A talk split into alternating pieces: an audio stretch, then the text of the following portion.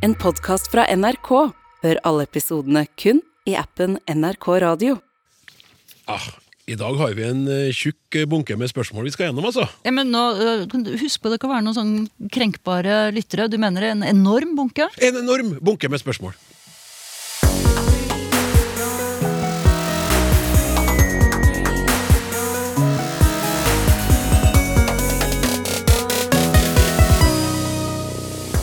Skal man inngå et kompromiss eller et kompromiss? Når var det vi begynte å gro maten istedenfor å dyrke den? Er du en av dem som sier da i slutten av nesten alle setninger? Eller starter et svar med å si oi?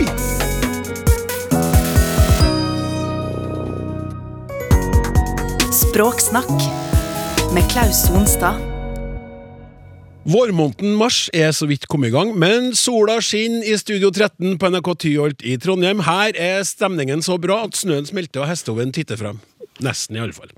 Det er jo umulig å ikke bli i godt humør når man leser alle spørsmålene som kommer inn til snakk snakk.krøllalfa.nrk.no, nrk.no, eller som SMS til 1987 med kodeord 'snakk'.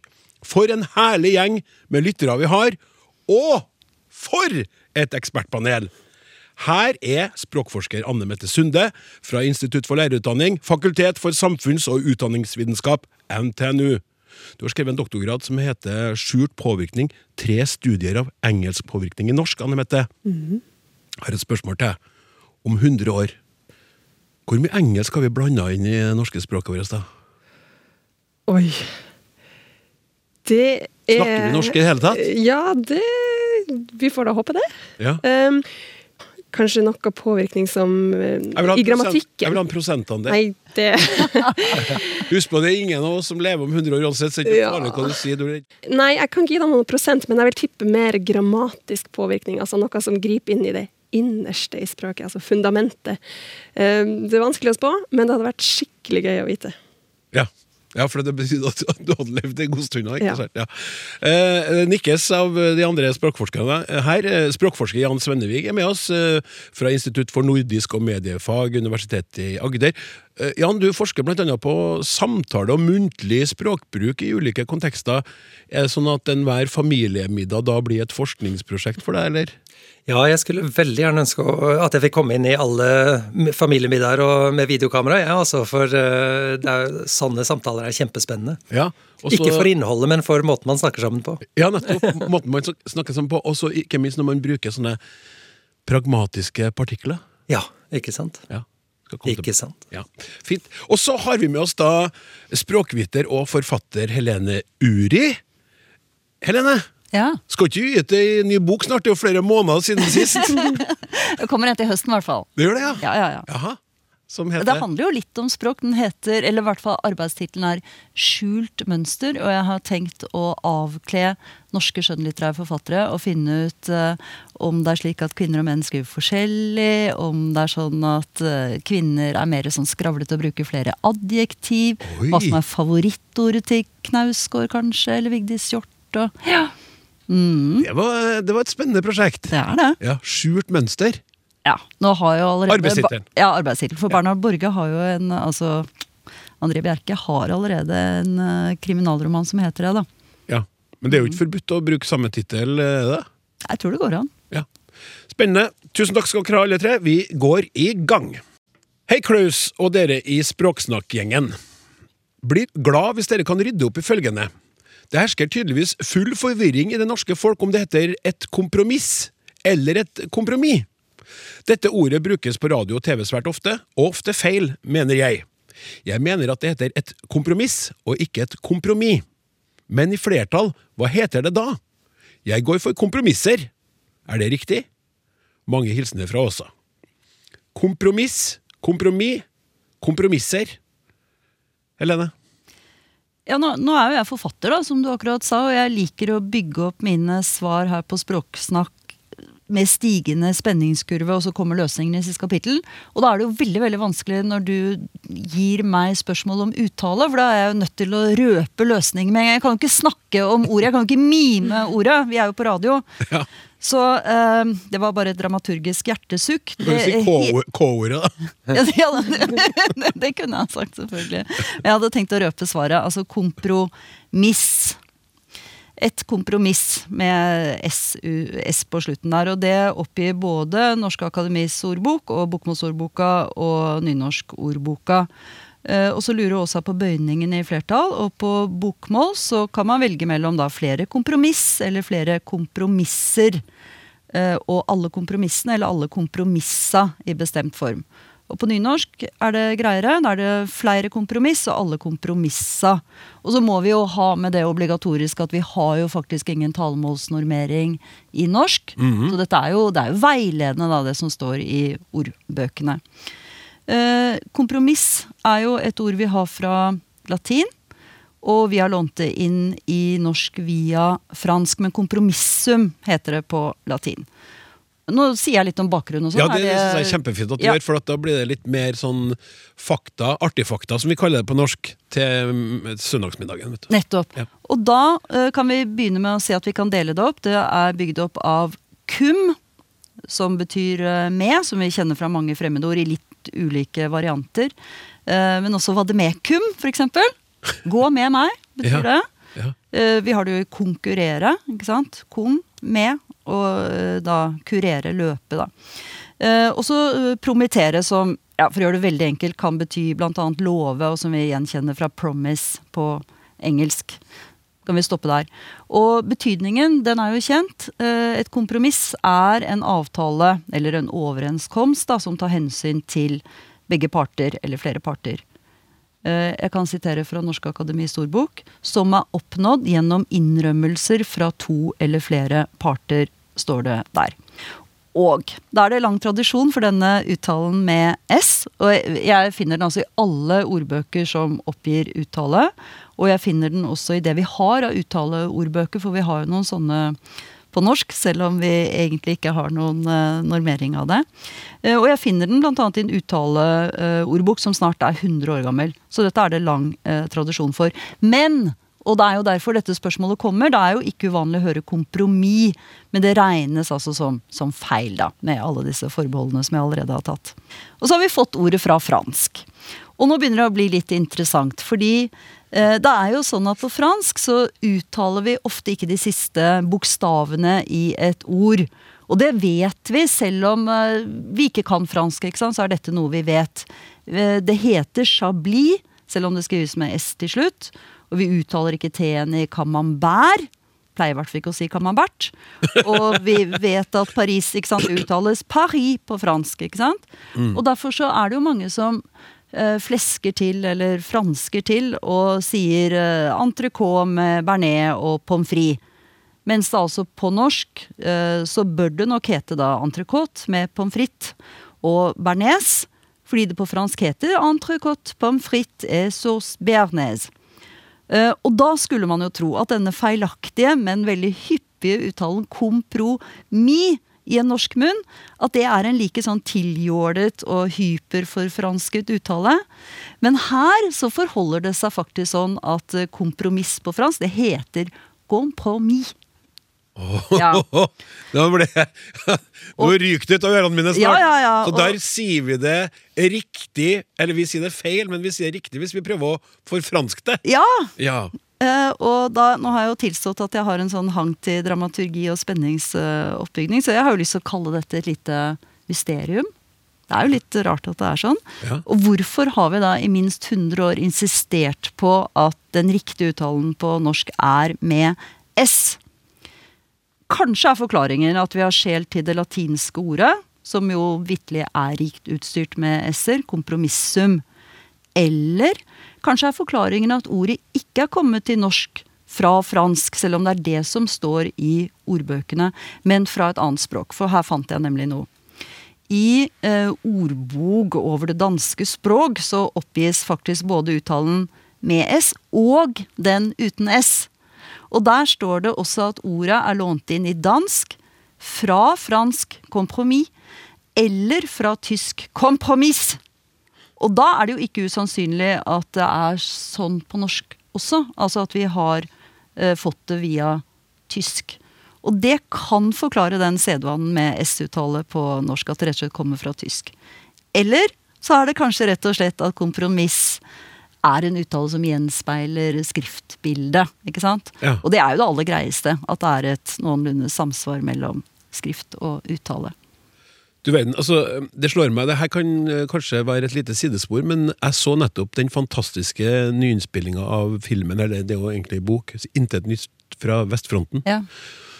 Og der er det jo sånn at franskmennene nekter å inngå et kompromiss, eller et kompromiss, når de skal ha tyskerne til å skrive under den avtalen, ikke sant? Som førte mener mange, eh, starten på andre verdenskrig. Mm. Ingen kompromisser, ingen kompromisser.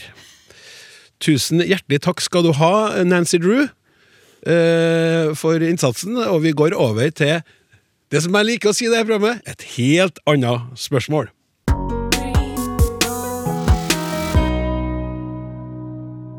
Kort og konsist er det her spørsmålet. Det er svært mange som eh, slutter nesten alle setninger med da. Har Språksnakk noen kommentarer? Frode Kolås, Oslo. Da, Jan, kikker jeg på deg. Ja, er det noe rart med det, da? At mange slutter med da. Eh, Det er en av de mest vanlige partiklene vi har. Eh, Den brukes i veldig mange ulike sammenhenger, og den er litt også uhåndgripelig, for eh, den kan bety veldig mye forskjellig i ulike situasjoner.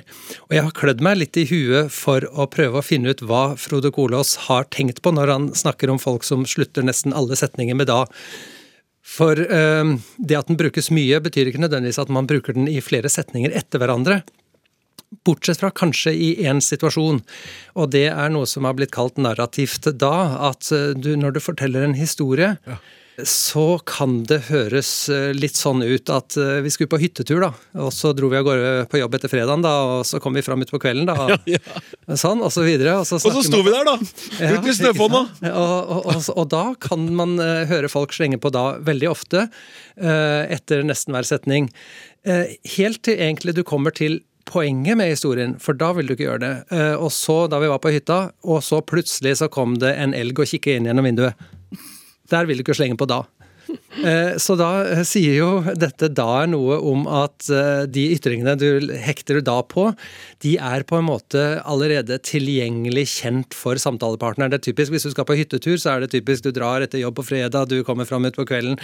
Når det er sånne ting som da er relativt godt kjent for samtalepartneren, så kan dette da være med på å si fra at dette skjønner du sikkert.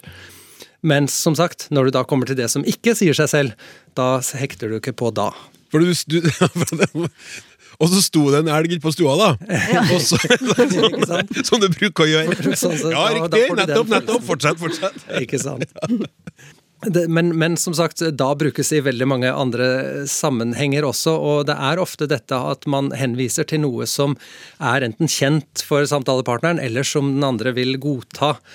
Og det brukes også ofte når man er på en måte i tvil om noe, når ulike synspunkter brytes mot hverandre.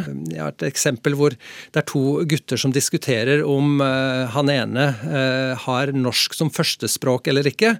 Han er uh, andregenerasjons uh, innvandrer, som vi kan kalle det. Eh, og så sier han eh, Han vil argumentere for at han har norsk som førstespråk, og da sier han jeg er jo født og oppvokst her, da.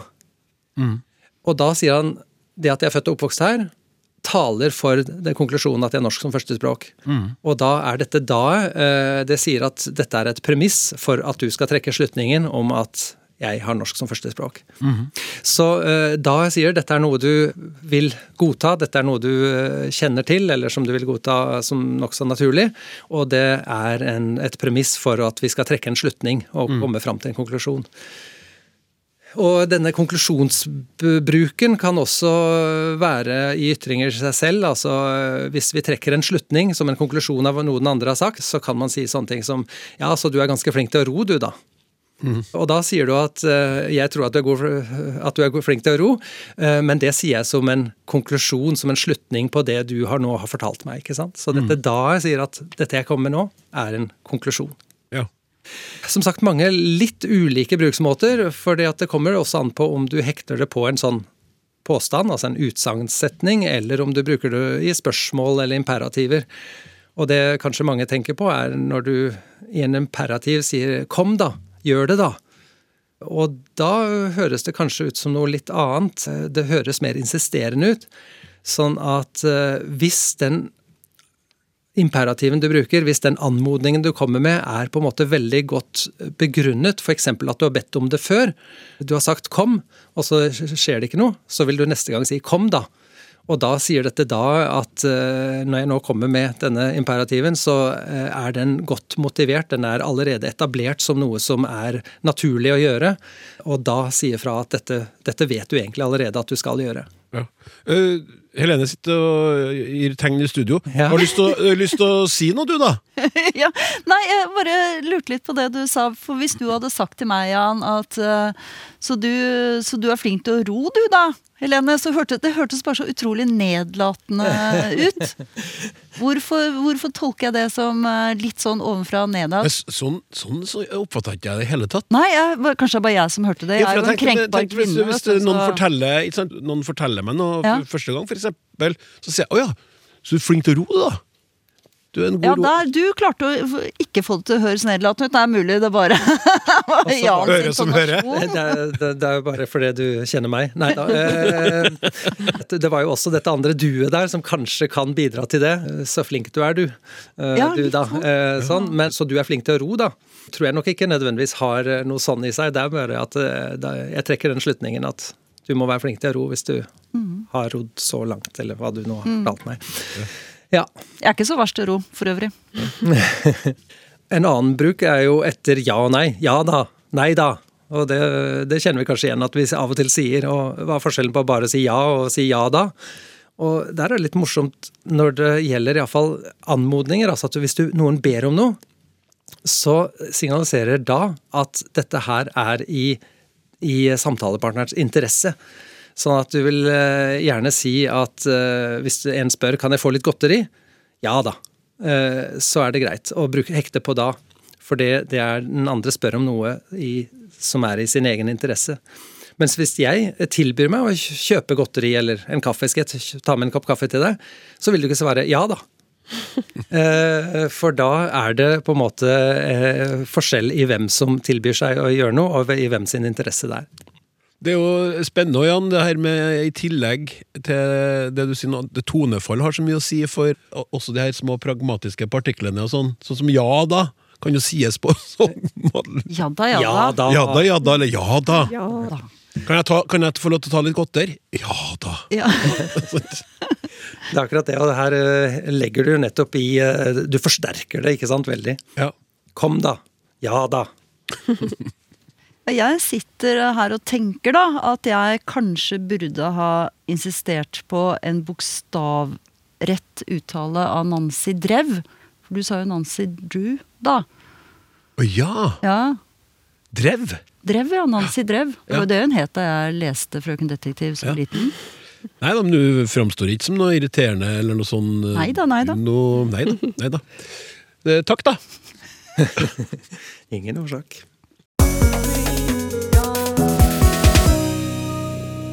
Hei, Språksnakk! Om begrepet grunnrenteskatt. Det er en overgang, det. Grunnrenteskatt det er ganske vanskelig å få tak i hva som egentlig ligger i ordet. Vi forstår at det gjelder å betale for å bruke hav, vann osv., bruke, våre, bruke av våre felles verdier. Er det ikke det engelske ordet rent, norsk leie, som ligger til grunn? Å blande inn rente gjør det vanskelig å se sammenhengen når vi egentlig snakker om et leieforhold av samfunnets felleseiendom. Vil ikke begrepet grunnleie belyse dette bedre? Hvorfor gå om engelsk for å forklare, rettere sagt vanskeliggjøre? Med vennlig hilsen Tove Magnes Bolstad. Anne Mette, fine innspill her. ja da. Fine undringer. Fine undringer, og eh, jeg er enig med Tove og sikkert mange andre i at det er litt vanskelig å avkode det her ordet. Og det viste seg også å være mer komplekst enn jeg først trodde. Så for at folk skal henge med, så skal jeg først forklare kjapt hva ordet betyr, før jeg sier litt mer om hva det er som gjør det så komplekst. Og grunnrenteskatt består av tre ledd, eller tre røtter. Grunn, rente og skatt. Og grunn, det viser til fellesskapets grunn eller ressurser, sånn som Tove også er inne på i spørsmålet. Altså nasjonale, statlig eide ressurser som skog og olje, og nå også hav. Mens rente, det er en type avkastning. Et overskudd utover normal avkastning. Så grunnrente er da ei inntjening man får når man driver på statlige ressurser. Og denne inntjeninga den må man skatte av, og da får man grunnrenteskatt. Så det var kortversjonen. Ja, Ja. bra. Og det som gjør det her ordet litt vanskelig, det er jo rente.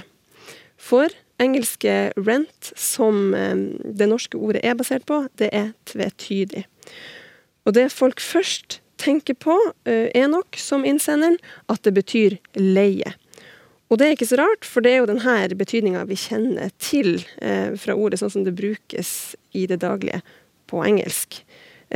Og for å komplisere det enda mer, så eh, er det også leiebetydninga som ligger i det engelske uttrykket 'ground rent', som det norske uttrykket faktisk er litt sånn misvisende oversatt fra.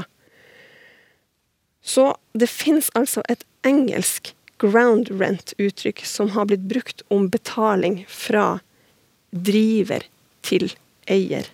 Aha. Ja. Ground rent. Men på engelsk så betyr altså rent, eller mer spesifikt economic rent, også en type ekstra avkastning, som jeg allerede har nevnt, ei meravkastning. Så rente er da ei inntekt og ikke ei utgift for dem som driver. Og det er det her som da ligger innbakt i det norske grunnrenteuttrykket. Så på spørsmål om det ikke kunne ha hett grunnleieskatt, så er svaret at det ikke er presist nok, fordi det man betaler for, er ikke leie av grunn.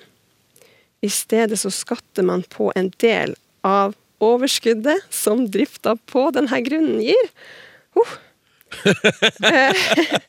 Så Jeg syns du, du forklarer det veldig bra nå. ja, da, det, Jeg det kan være at det er noen som må stoppe og spole tilbake da, hvis de hører på podkast. ja, ja. Um, så mer dekkende eller forklarende ord ville kanskje vært eh, grunninntektsskatt eller grunnavkastningsskatt.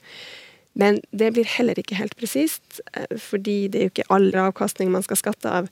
Dette er avhengig av markedspris og tollsatser og eh, sikkert mange andre ting. Så hvis man skal holde seg til ett ord, så er det vanskelig å lage en sammensetning som dekker alt. Så jeg er enig med innsender i at ordet er forvirrende, siden rente da kan ha flere betydninger. Men for dem som hører på Språksnakk, så er det forhåpentligvis litt klarere nå. Altså ground rent. Mm. Mm. Men det, er- det på engelsk ground rent Texas, da? Nei, Nei. nei, for det her ground rent-uttrykket, det brukes ikke i engelsk lenger, sånn jeg har skjønt da, men det er noe vi oversatt fra engelsk for lenge siden, Ja. og så har vi endra litt hva vi legger i det renteordet i Ja. midten. Eh, nei, så det, var, det her var komplekst. Ja. Nei, Det var det, men uh, tusen takk. Jeg håper at uh, Tove fikk den godt nok forklart, sånn at hun da kan falle litt i ro med, Ja. med det hele. Uh, tusen hjertelig takk. Hei, jeg heter Johannes, og mitt favorittord er glad. For det er noe jeg forbinder med veldig mye bra. Det liker å være glad. Du hører på Språksnakk, en podkast fra NRK.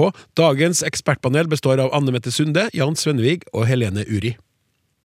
Ja, vi har jo eh, kommet godt i gang med dagens episode av Språksnakk, der vi svarer på spørsmål som eh, du sender inn til snakk krøllalfa.nrk.no eller eh, som SMS til 1987 med kodeord 'snakk'. Får, så får vi også mange fine tilbakemeldinger. Og jeg fikk en klar melding via SMS-tjenesten vår her. Hei, Klaus!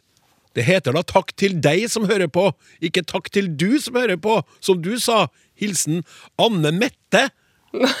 Anne Mette, driver du og sender meg SMS-er og, og klager på Nei? Det var en navnesøster. Det var Ja, navnesøster.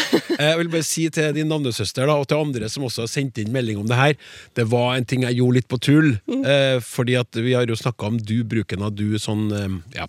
Så det var Jeg beklager, Anne Mette, skal ikke gjenta seg med det første, i alle fall. Det blir litt farskete igjen kanskje senere. Og så skal vi over til noen tilbakemeldinger som handler om hvor vi plasserer oss sjøl når vi skal si f.eks. hvem vi har vært sammen med. Starter vi med oss sjøl, eller sier vi oss sjøl til slutt? Hva gjør dere forresten? Hva gjør du, Helene? Når du skal si var, eh, Det var opptak av Språksnakk, eh, jeg var sammen med Jeg og Anne Mette og Ja, nei. Jeg har jo blitt oppdratt til å ha jeg helt Ja. til slutt, hvis det var det du mente. Ja, det jeg mente. Jan? Ja, jeg tror også det er en sånn eh, ting man har blitt lært opp til. Om jeg gjør det i praksis, det tror jeg ikke helt jeg klarer å si. Nei? Jeg gjør det i skrift, i hvert fall. Ja. Ja. Godt poeng. Hvis jeg skal fortelle hvem som var på guttetur, nevner jeg meg selv til sist. Til stede var brødrene Arne, Finn, Arnfinn og Finn Arne og meg. Hvis det var piker der også, nevnes pikene først. Til stede var søstrene Lise, Lotte, Lise Lotte og Lotte Lise, brødrene Arne, Finn, Arnfinn og Finn Arne og meg. Om det var par der, nevnes pikene først, så parene med piker først, så guttene, og til sist meg. Til stede var Lise, Lotte, Lise Lotte og Arne, Lotte Lise og Finn, Arnfinn og Finn Arne og meg. I muntlig tale kan man bli spurt om man var på restauranten alene, og da kan jeg nevne meg selv først. Jeg var der med Lise, osv. Hilsen Bjørn. For en hyttetur! Ja, helt fantastisk, og for en gjeng. Og hei, jeg liker å høre programmet og lærer nesten hver gang noe nytt. Denne gangen at også her i Norge er det høflig å nevne de andre først. Ved å observere meg selv oppdaget jeg at jeg sier på norsk 'jeg òg', noe som jeg aldri gjør på mitt morsmål tysk. Nylig ramset jeg opp hvem jeg var på tur med, først etter å ha blitt spurt på norsk, og da var det jeg og alle de andre. Om kvelden skarpet jeg til Tyskland, og spørsmålet kom opp igjen, da bare hvor mange vi var på denne turen. Men for å telle måtte jeg jo huske hvem som var med, så jeg ramset opp i hodet mitt P og C og D og så og til slutt meg selv. Da tenkte jeg tysk, og det var dermed umulig å nevne meg selv først, ikke engang i tankene! Norsk derimot har jeg lært fra alle de fine norske menneskene som er rundt meg, og hermet etter så godt jeg kunne. Noe som betyr at i minst her nevner de fleste seg selv først. For øvrig uten å være uhøflig ellers. Det motsatte er tilfellet, helt sikkert. Hilsen Linde. Danke schön, Linde. Veldig bra. Språksnakk med Klaus Sonstad. Hei! Jeg ser det står skrevet i en sak på nett, det her er fra Dagbladet. Handler om eh, seertall og TV, og de snakker da om programmet eh, Lindmo. Så det er en eh, medieekspert som uttaler seg. Han tror framtidige program vil måtte være mer fleksible, samtidig som utbytting vil skje raskere. Dette av kravene som stilles til hyppighet og relevant underholdning, og derfor tror han ikke at Lindmo vil måle opp. Min utheving, skriver innsender. Er dette en anglifisering av språket? Har språkforskerne i så fall hørt denne, denne varianten før? Sprer anglifiseringer seg nå i det norske språket enda rask, i enda raskere tempo enn tidligere? er spørsmålet her. Det er ikke signert, denne e-posten, men den er meget eh, interessant. Anne Mette, skal vi starte med deg her? Ja. Måle opp, ja. Jeg tror ikke at Måle at Lindmo vil måle opp. Det sto det. Jeg gikk inn på nettet og så, Ja. på saken. ja, det var vel lagt ved Det var ikke endra heller, siden Nei, den eh, sto på trykk. Ja, for noen ganger så endres det, Det hvis de blir det, hvis det er en oppmerksom. sånn Ja. feil på et vis. Eller? Ja, nei, eh, det var flere spørsmål her, i tillegg til om målet opp. Og jeg har litt lyst til å starte med det siste. Om anglisismer sprer seg fortere i norsk nå enn før. Og ikke bare sprer de seg fortere, de blir også flere, og vi kan egentlig starte der. Og det at vi får flere anglisismer i norsk, det skyldes at vi får mer og mer kontakt med engelsk i Norge, og at vi blir bedre og bedre i engelsk. Og ofte så snakker vi om barn og unge i denne sammenhengen, fordi det er dem som gruppe som har mest kontakt med engelsk. Og én ting er jo da den engelsken de møter i skolen, for nå er jo engelsk allerede et eh, fag på første trinn. Men det som er mest utslagsgivende for denne økte engelskkompetansen, det er jo all tida barn og unge bruker på engelskspråklige aktiviteter utafor skolen. Eh, Så de møter masse engelsk på fritida. Sjøl ganske små unger eh, ser på engelske videoer på YouTube, og her snakker jeg av eh, erfaring. Og så er det sånn at det å se på engelskspråklige eh, filmer og serier og høre engelskspråklig musikk, det er jo noe vi har gjort lenge, og da tar vi inn engelsk ganske passivt. Det som er spesielt i dag, er jo at vi har mange muligheter til å eh, bruke språket aktivt sjøl også. På sosiale medier eller i dataspilling, som kanskje er det beste eksempelet. For vi har eh, etter hvert en del forskning som viser at dataspill av visse typer eh, som er populære i Norge, gjør deg bedre i engelsk. Og det er fordi at du er nødt til å uh, kunne språket for å forstå hva du skal gjøre videre i spillet. Og det er også mange som spiller på lag med folk fra andre land. Og da uh, på engelsk. Og da må du bruke språket. Og det, eh, tanken er at det gir en annen motivasjon til å lære språket enn at du skal ha diktat eller tentamen i neste uke. Um, så da får man fart på læringa. Ja. Så tidlig og mye og aktiv bruk av engelsk er sånne sentrale stikkord for å forstå hvorfor vi blir bedre i språket. Kjapt spørsmål, bare, Anne Ja. For det her er jo uhyre interessant. Jeg er jo i målgruppa for det her. For jeg er jo en, en voksen mann, men med en attpåklatt, som Ja. vi kaller det. Og han er jo der. Så jeg kjenner meg sånn igjen. Jeg er så spent nå på det, så mye engelsk i det norske språket Ja, hanses. ikke sant? Fordi at all den engelsken vi lærer, det setter jo spor i språket.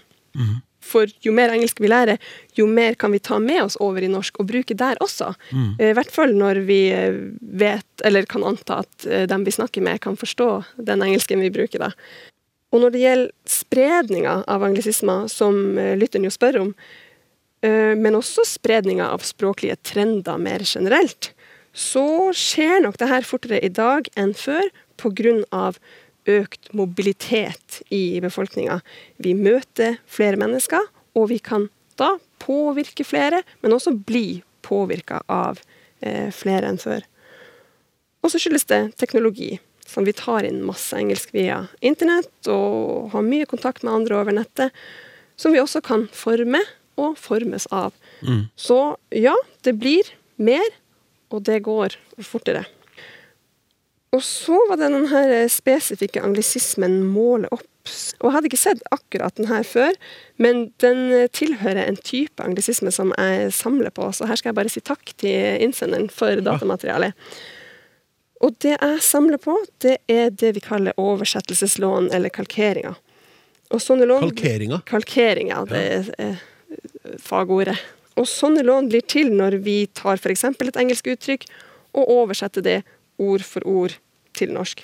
Og her er det da det engelske uttrykket 'measure up', som betyr noe sånt som å nå opp eller være god nok, som er oversatt til 'måle opp'. Så programmet Lindmo vil ikke nå opp i konkurransen eller være bra nok, sammenlignet med andre program. Det er nok det det betyr. Ja. Men det er ikke sikkert man forstår hvis man ikke kan det engelske uttrykket. Nei. Nei. Det her synes jeg var, det her var merkelig for meg. Mm, ja. ja. Da måtte jeg tenke meg nøye om, Mm. og faktisk så gikk jeg også inn og sjekka opp. For lytteren hadde lagt ved en beskrivelse av eh, Measure Up. Mm. Ja. Og da ga det jo mening. For det kjente jeg jo til, men jeg klarte ikke å koble det direkte. Og jeg hadde heller ikke hørt dem før, så jeg også måtte sjekke. Ja, sant, og du samler jo på anglisismer, Ja. hadde ikke hørt det Ja, ja. engang! For- for- Ja. Men målet måle opp, det er, er en anglisisme som man Eller den er indirekte. Så en indirekte anglisisme, Ah. fordi at vi bruker dem på norske ord. Jeg har kalt det snikanglifisering i Ja. en eller annen artikkel en gang. Ja, det, det, der, det der, ja. Så, så, Ja, ja, sånn sånn. Ja, for det er mye lett, lettere å ta det når man snakker Ja, sånn. når du bruker et engelsk ord, så legger vi jo merke til det. Ja, points. Ja, Score points. Alle hører at det er engelsk, Ja. men når vi sier eh, ja, kaste noen under bussen, så er det litt eh, da, da må man faktisk eh, tenke Ja, ok, det tilsvarer et engelsk uttrykk. Dette er oversatt ord for ord. Ja. For når, når, når de brukes på norske ord, så blir de jo kamuflert. Ja. Vi er ikke alltid klar over at opphavet er engelsk. Så snikanglifisering, eh, skjult eh, påvirkning, som jeg skrev om i avhandlinga Ja. mi, eh, de her er litt vanskeligere å få, få øye på. Og sammenligna med sånne her direktelån, da, eh, altså anglisismer med en engelsk form, som selfie og caption og audition, og du har sikkert eh, han, eh, Ungen din bruker sikkert mange sånne ord. Mange. Så er indirekte anglisismer ganske få. Men ting tyder nå da på at også indirekte anglisismer At det blir flere av dem i norsk. Og jeg pleier å dra fram eksempler som stå ut, fra stand out, betyr å skille seg ut, og over og over igjen uh, istedenfor om og om igjen. Eh, og, 'å være i behov av istedenfor å ha behov for. Eh, så alle de her eh, uttrykkene har vi jo fullgode uttrykk for på norsk, men så sniker det seg altså inn eh, engelske varianter. Jeg lurte litt på um, dette virker å være. Uh, fordi at vi hører mer og mer at han, han virker å ha lagd en god film, istedenfor uh, den tradisjonelle norske uttrykksmåten 'det virker som han har lagd en god film'. Så 'virker å være', 'virker å ha', der tenkte jeg litt på Det er jo etter mønster fra det engelske 'seem to have'. Og der lurte jeg på, Du snakket innledningsvis om at det kommer an på hvor mye hvordan engelsk påvirker norsk i framtida, eh, om det på en måte griper inn i selve strukturen. Og her er det vel et eksempel på at, at det griper inn og forandrer norsk syntaks, på en måte, ved at, at verb forandrer transitivitet, altså forandrer hva slags uh, objekt det tar. Mm. Ja, det kommer litt an på hvordan man definerer sånn grammatiske lån og strukturlån, men uh, i visse analyser så vil eh, den uh, typen eksempler bli, eller sortere under sånn syntaktisk påvirkning. Mm. Det, og det her er en litt dypere og litt annen form for påvirkning av språket enn det at vi bare tar inn enkeltord. Ja, det er akkurat det. for at, ja. Da spurte jeg i starten av sendinga, ja. Så, så, var det jo fordi at, eh, fordi at jeg, hjemme hos meg så er det den der tydelige bruken av engelske ord i det norske, ikke sant, som er ganske omfattende, også i samtale med andre. Når jeg hører sønnen min snakke med andre ikke sant, på jevnaldrende, så er det veldig mye engelsk. og det er derfor, Så hvis du hadde spurt meg, da, som er lege, da, ikke sant, lege, så skulle jeg tippa om 100 år, ja. så har jeg sagt 50% minst. Ja. Fordi at det kommer fra alle kanter, mm. og vi er så få. Og, så, så det var sånn, men, men, samtidig så ble jeg jo litt glad for at du ikke var helt uh, sånn superdystopisk. Da. At du hadde et lite håp for det norske. ja da. Ja. ja. Skal vi ha flere eksempler? Ja. Jeg leste i Aftenposten her for et par dager siden en restaurantanmeldelse, og da sto det at de fikk tildelt ett av bordene som ikke var okkupert. jeg har, leste også en eh, sånn interiørreportasje hvor det sto om noen som valgte leilighet over hus, og det måtte jeg faktisk lese flere ganger før jeg skjønte det. Mm. Fordi da bruker vi jo over i stedet for fremfor, ikke sant. Jeg foretrekker Paris over London i stedet for fremfor, som det heter i ja. tradisjonell norsk, da. Men når det ble så konkret konkret at de valgte leilighet over hus, og så jeg for meg den leiligheten var stablet oppå huset. Uh, og så har du også der hvor det er problemer hvor vi har norske ord som allerede betyr noe, og så begynner man å uh, bruke det på en ny måte. Altså å spotte noe, ikke sant? For å legge merke til noe. Men mm. spotte jo vanligvis, eller har i hvert fall i mange år betydd noe annet. Og uh, skriftlig at noen hoster noe, og så er det Å ja, nei, det er hoster noe, ja. Ikke sant? Ja. Eh, å bli affektert av noe som, eh, som jo i Affektert betyr jo litt sånn jålete, mm. ikke sant? Men eh, det betyr jo altså påvirket av noe, da, i sånn engelskpåvirket mm. norsk. Eh, datert, mm. som jo i tradisjonell norsk betyr bare at det er satt en dato på, ikke sant? men det brukes jo mer og mer nå som dated, altså utdatert. Ja. Så det er utrolig mange eksempler. Jeg også samler jo på sånne. Ja, så, og det du nevner her, er jo eksempler på det som kalles for eh, betydningslån. Ikke oversettelseslån, men altså betydningslån, som er en annen sånn stor kategori innenfor de her indirekte lånene. Og det er når ord eh, er betydninga til et ord i engelsk, smitter over til eh, et ord i norsk. Opsjon er et annet eksempel der denne den her alternative betydninga som ligger i det engelske 'option', har smitta over til det norske opsjon, som egentlig vel brukes som noe forkjøpsrett, men nå så bruker man det i større grad om et alternativ. Så det var ikke noe opsjon å la være å skrive. Altså, det var ikke noe mm. alternativ å slutte å skrive. Være ute på misjon, eller ja. ha en misjon, også, mm. sånt eksempel. Ja. Men, men, men uh, nå skal jeg prøve meg på en sånn anglifisering. Men min deg, min deg, altså mind you, vi skal tilbake, vi skal snakke mer om uh, sånn uh, uh, engelsk uh, påvirkning snart. Det skal vi. Så vi ja. må ikke svi av all, alt kruttet nå. Nei, men før vi slutter, så vil jeg bare runde av der vi starta. Fordi at ja, vi har snakka litt nå om at de her lånene nok skjer mindre bevisst. Vi er ikke helt klar over at de skjer, og det har vi også belegg fra forskninga for å si. Og hvordan det her fungerer, det har jeg snakka om i en tidligere episode av Språksnakk, faktisk, så jeg skal ikke ta det igjen her. Men det jeg har lyst til å si, er at det her henger sammen med hvordan vi lærer språket. For det som skjer når vi lærer språket tidlig i livet, og uten sånn bevisst skolepugging, det er at vi lærer det eh, litt mer på samme måte som vi lærer morsmålet vårt. Så vi tar det mer ubevisst inn og får en mer automatisert kompetanse. Og da kan deler av språkene gli over i hverandre på en annen måte enn hvis vi først hadde lært det senere i livet, eh, og gjennom mer sånn bevisst pugging. Så indirekte lån det er en form for påvirkning som går dypere inn i språket, og som er tegn på mer og tettere kontakt med engelsk. Og som det, hvis du spør meg i hvert fall, blir ganske spennende å følge med på framover.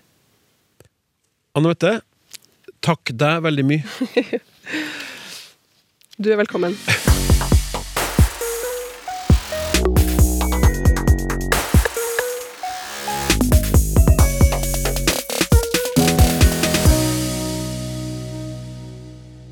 Ja, så det er, jo, det er jo sånn at en del lyttere skriver hyggelige ting i starten av eh, av e-postene eh, til oss, og så er det andre som vil tulle med det. da Sånn som her så er det en som, som skriver Hei! Takker for et jæv... Bra radioprogram. Takk for det.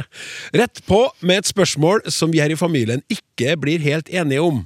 Altså hvordan, hvordan uttales ordet? Og, og jeg ja. Inkognito. Inkogn, inkognito riktig.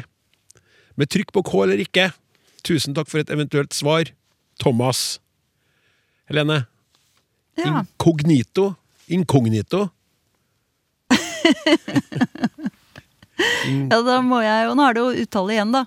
Da må jeg jo pliktskyldigst eh, starte med å si dette her, da, at vi ikke har noe uttalenormering. Men at det finnes jo en konvensjon for hvordan eh, ord uttales. eh, og det kan jo være smart når det er fremmedord. Og og incognito, Cog- det er sånn det uttales. Og det var jo det du gjorde, Klaus. Altså med trykk på den andre stavelsen cog. Eh, og så kan jeg jo surre litt rundt og si noe om betydning og opprinnelse også. Det betyr jo at man hemmeligholder ens virkelige navn og identitet. Altså prinsessen reiste incognito, eller var incognito i Nå Trondheim. sier du inkognito med feil trykk. sa jeg det feil igjen, ja. Ikke sant? Det var det jeg tenkte. Kjempefint. Ja, jeg visste at det kom til å skje. Men jeg sa det riktig først, ikke sant? Ja, ja, ja, ja. Inkognito, det svarte jeg riktig på. Inkognito? Ja. Og så fortsatte Ja, det er helt fantastisk. Ja, så god demonstrasjon av eh, at dette er litt forvirrende, og her er det to etablerte uttaler. Eh, jeg hadde tenkt å si at Naob siterer Wergeland, som skrev at Satan er sikkert best tjent med at være incognito. Eh, og ordet har latinsk opprinnelse, men det kommer fra italiensk, og det betyr altså ukjent. Og den forstavelsen inn, den tilsvarer jo vårt eh, u. Og den andre delen henger sammen med en, ja, en lang, lang rekke med ord. Jeg tenkte vi skulle nøye oss med å tenke på det engelske 'recognize'. Eller eh, det franske låneordet, connoisseur, som, kan, som betyr en kjenner. ikke sant? Ja. En virkelig connoisseur av pølser, f.eks. um, de eksemplene mine, der har jo har inkognito vært uh, adverb. ikke sant? Uh, Klaus Onstad, pga. påtrengende, jublende språksnakk-fanskarer, reiser alltid inkognito. Ikke sant? Da er det et uh, adverb. Men det kan også være substantiv, intet kjønn. Eh, det er viktig å bevare sitt inkognito. Ah, shit, altså! Ja, det er- Dette er så Ja, men det- det er jo vanskelig! helt- Det er, det er jo kjempevanskelig. Inkognito. Inkognito, inkognito. Inkognito. Jeg tror inkognito er mer eh, vanlig, faktisk. Ja, ja, ja, og det er jo veldig morsomt. At, eh, ja. Men ordet kan også være et eh, substantiv, intetkjønn. Et inkognito. Det er viktig å bevare sitt inkognito. Jeg må ta litt sats hver gang, altså. Og, og så er det tilbake til uttalen. Da. Det, det har blitt helt åpenbart her at grunnen til at Thomas spør, det er at han har hørt uttalen med trykk på tredje stavelse. Altså den i-en som er inni ordet. incognito, for den er veldig vanlig. Og i min kjære by i Oslo så er det til og med en gate som heter Incognito-gaten, men som veldig ofte uttales incognito-gaten. Ja. Men selv om da uttalen av inkognito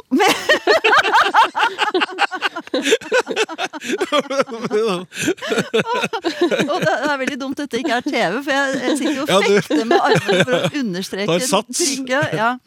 Eh, Men selv om da uttalen av inkognito med trykk på tredje stavelse, altså inkognito, er veldig utbredt, så regnes den altså ikke som riktig. Og det har jo med trykkfordelingen i latin å gjøre, rett og slett.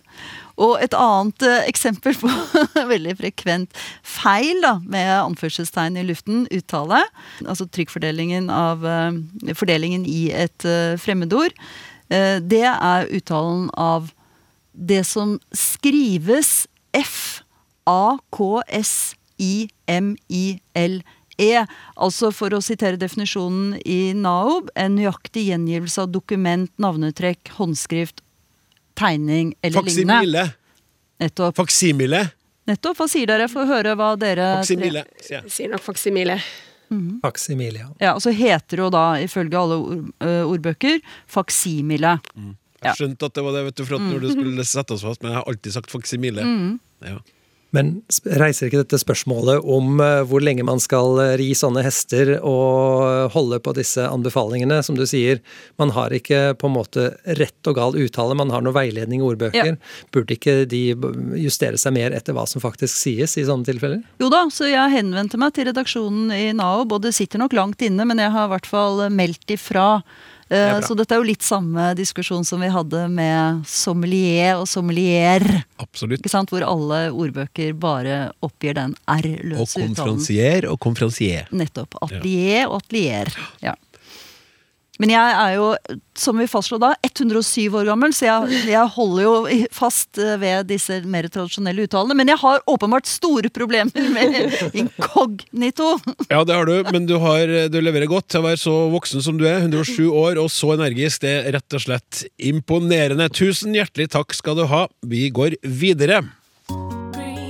God dag, jeg heter Maiken, og mitt favorittord er vi forug. Det er et dialektord som jeg syns er trivelig, og som jeg bruker ganske masse. Og betyr eh, at du er oppdagelseslysten. Ja, her står det altså i starten 'smisk, smiske'.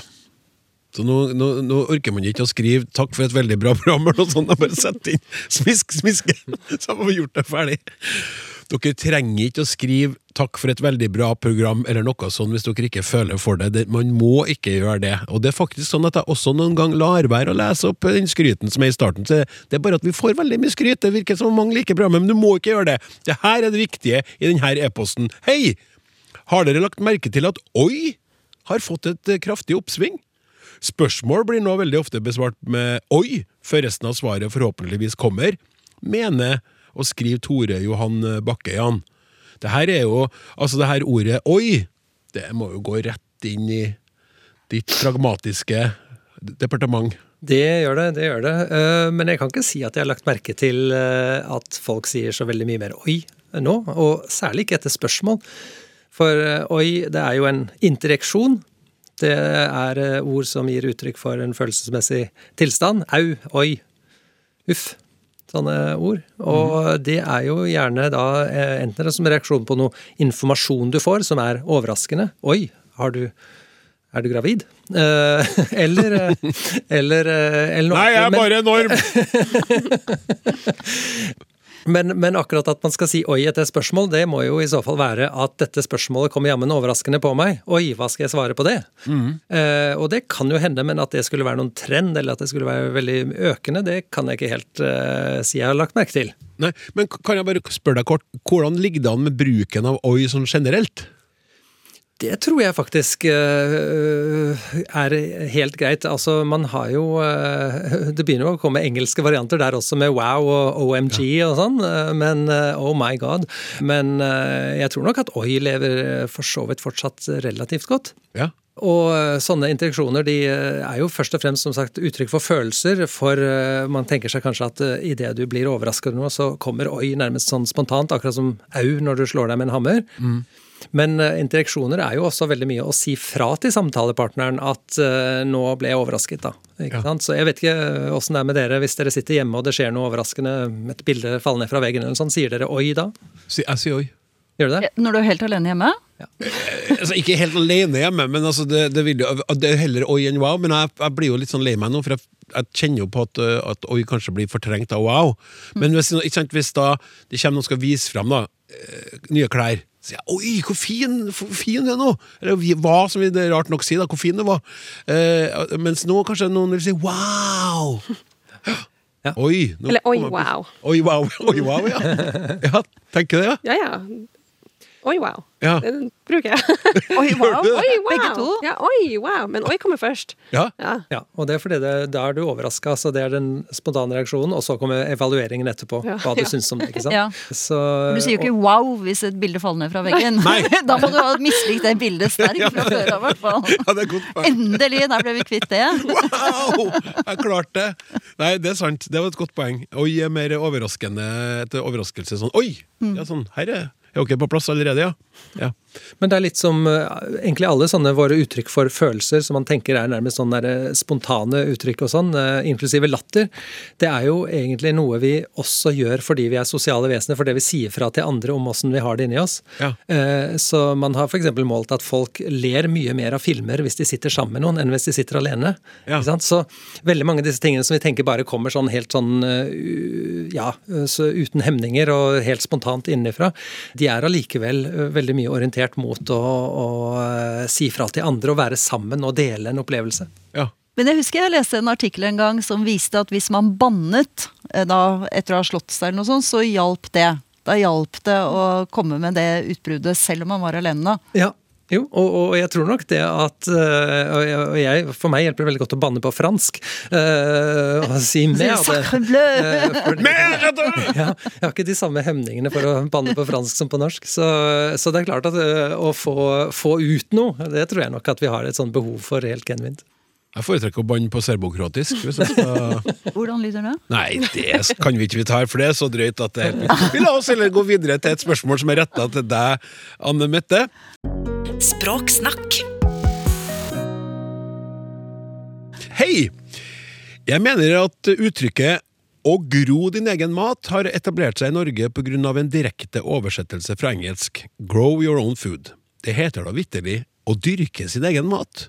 Nylig fant jeg et arrangement i egen kommune, der arrangøren hadde kalt arrangementet 'Gro din egen mat'. Jeg begynte å skrive en hissig henvendelse, men gjorde først et Google-søk. Da fant jeg ut at uttrykket er langt mer i bruk enn jeg var klar over. Jeg vil nesten si at uttrykket virkelig har etablert seg. Jeg droppet henvendelsen til arrangøren etter dette. Jeg vil gjerne høre noen tanker om dette fra Språksnakk sin side. Ellers hører jeg verbet å gro også bli brukt i andre direkte oversettelser fra engelsk, for eksempel grow up, gro opp. Generelt syns jeg det er trist, især når vi har gode norske uttrykk. Hilsen Cornelia Egge. Ja, da er vi litt tilbake igjen. Sant? Nok et spørsmål om engelskpåvirkning. Ja, men det er spennende. Ja. Det er rundt oss overalt. Ja, det Du har valgt deg et bra fagfelt Ja, eller forskningsfelt, eh, Anne Mette. Ja. Det er en stor kilde til eh, fascinasjon og litt frustrasjon også, kan det virke som. Kanskje også litt Ja. irritasjon? Ja, kanskje det. Så det var flere ting her, og da kan vi ta eh, gro og gro din egen mat først. Det norske verbet gro og det engelske verbet grow har felles opphav i urgermansk, som begge språkene springer ut av. Så verbene har da ganske lik form og betydning. Men de brukes tradisjonelt litt ulikt. Vi kan ta gro først. Det har tradisjonelt blitt brukt uten et handlende subjekt. Det vi på fagspråket kaller agens. Så vi kan si at gulrøtter gror i hagen, eller det gror gulrøtter i hagen. Og i begge tilfellene så tolker vi det sånn at grohandlinga er noe som skjer av seg sjøl. Det skjer med gulrøttene uten at det er noen som aktivt får det til å skje. Og det engelske verbet det kan brukes på samme måte.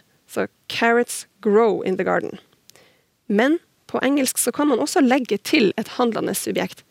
I grow carrots in the garden. My friend grows potatoes. Eh, og hvis vi vil legge til et sånn handlende subjekt på norsk i denne sammenhengen, så har vi måttet bytte verbet tradisjonelt og si dyrke isteden. Så jeg dyrker gulrøtter i hagen. Men så har vi altså, virker det som, og her er jeg av samme oppfatning som innsenderen, begynt å bruke gro på samme måte som dyrke. Så vi tillater et handlende subjekt her, akkurat som på engelsk. Så nå kan vi gro mat og blomster og planter, og vi kan gro Og du, Klaus, har grodd skjegg. Ja, Ja, klipp det i dag. Girls fint. on balls? ja Kan det du? kan du. Jeg vet ikke. Dyrke noen testikler? Altså Nå er jo det et tåpelig uttrykk i seg selv, som det antyder at det er bare menn som er modige. Men eh, Ja. Men man sier Jeg har kanskje hørt å gro baller på norsk? ja, jeg vil tro det. Ja. Men det burde jo hete dyrk, dyrke Dyrke- testikler. Ja. Ja.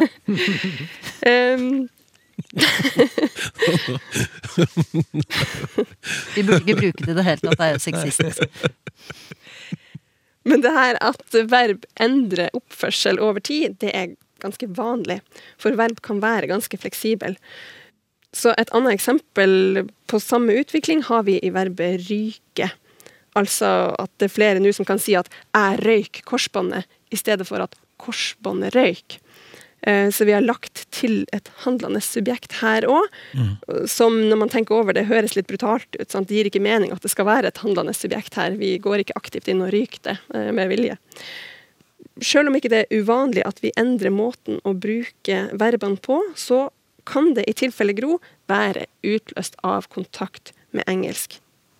Og at det er en påvirkning herifra. For det er jo ikke usannsynlig når vi vet hvor mye kontakt vi har med engelsk, og hvor mye vi blir påvirka av engelsk. Mm. Og også når verbene er så like hverandre som de er i formen. Og så var det gro opp i betydning av vokse opp, um, som innsenderen også hadde sett eksempler på. Og da er spørsmålet om gro opp også er en anglisisme fra engelsk grow up. Og det er ikke helt sikkert. What?! Wow! wow. Oi! Oi! Um, Men hva er det da, da? ja, for det er faktisk sånn at det finnes ganske gamle belegg for denne bruken i norsk. Og jeg søkte opp uttrykket på Nasjonalbiblioteket sine hjemmesider, og da fant jeg eh, uttrykket f.eks. i ei bok om skikk og bruk fra 1960. Og der står det i et kapittel om lojalitet i familien at for foreldre er barna små underverker som det ikke finnes maken til i hele verden. Ettersom barna gror opp, ser foreldrene naturligvis at de har mye til felles med alle andre barn. Og enda eldre treff. Morgenposten, juli 1951. Der står det skrevet om noen barn, og skribenten spør hvem av disse to barna gror opp med den beste moral? Så det finnes altså en del treff på gro opp i tekster skrevet før vi for alvor begynte å bli påvirka av engelsk. Eh, Og derfor må vi si at det her nok har, eller i hvert fall har hatt, en viss utbredelse i norsk fra før. Når det er sagt, så kan det godt være at eh, gro opp dersom det er i vekst i dag, skyldes kontakt med engelsk. Og i så fall vil det være et lån, men da det vi kaller et uh, frekvenslån, som jeg hørte dere snakka om i forrige sending. Og det er når bruken av noe i engelsk, i vårt tilfelle, fører til økt bruk av et ord eller et uttrykk som vi allerede har på norsk. Så det er også en måte Blir vekka til live igjen? Ja, sant? Ja. Det er også en måte Det bare gror opp Ja. fra grunnen! Eller har ligget i dvale? Ja. Ja. For å oppsummere så kan vi si at ø, økninga i både gromat og gro opp kanskje skyldes engelsk, begge to, men helt sikkert, det er det ikke. Nei. Cornelia syns det er trist. mm. Især når vi har gode norske uttrykk. Syns Ja. du det er trist? Nå er det jo veldig eh, interessant å spørre deg om det her, eh, Anne Mette, for du forsker på det. Mm. Så du boltrer deg jo i det òg. Det er mange som syns det er trist. nå spurte jeg deg. Ja, Du sier jo 'oi, wow', så kanskje ikke så veldig trist. ja. Men vi som jobber med språk, det er klart at vi kan kjenne på det, vi òg. Skjønner. Helene, hva kjenner du på når det gjelder her eh, anglifiseringa? Ja, nå er jo jeg 100 forfatter og frilanser, så jeg kan tillate meg å være sur og grinte 24-7, som det heter på, på moderne norsk. Jeg syns det er interessant, jeg også, eh, og jeg observerer, jeg også. Og så vil jeg vel si at jeg syns det er trist når mange av disse faste uttrykkene våre forsvinner. da. Det syns jeg, for vi har jo mange fine faste fraser og faste uttrykk, nærmest ordspråk, og at de blir erstattet av engelske, det er er jo en berikelse, men ikke når vi mister de norske. Nei. Jan?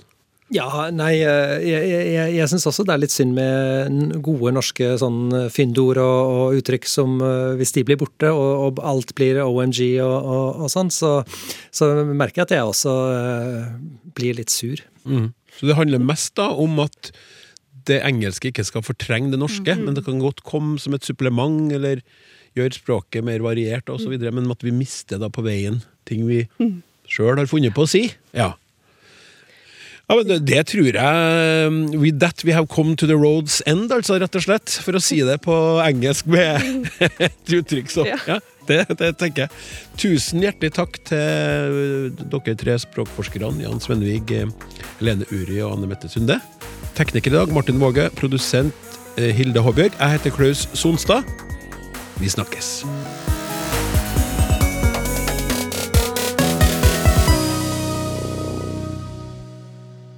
Du har hørt en podkast fra NRK. Hør alle episodene kun i appen NRK Radio.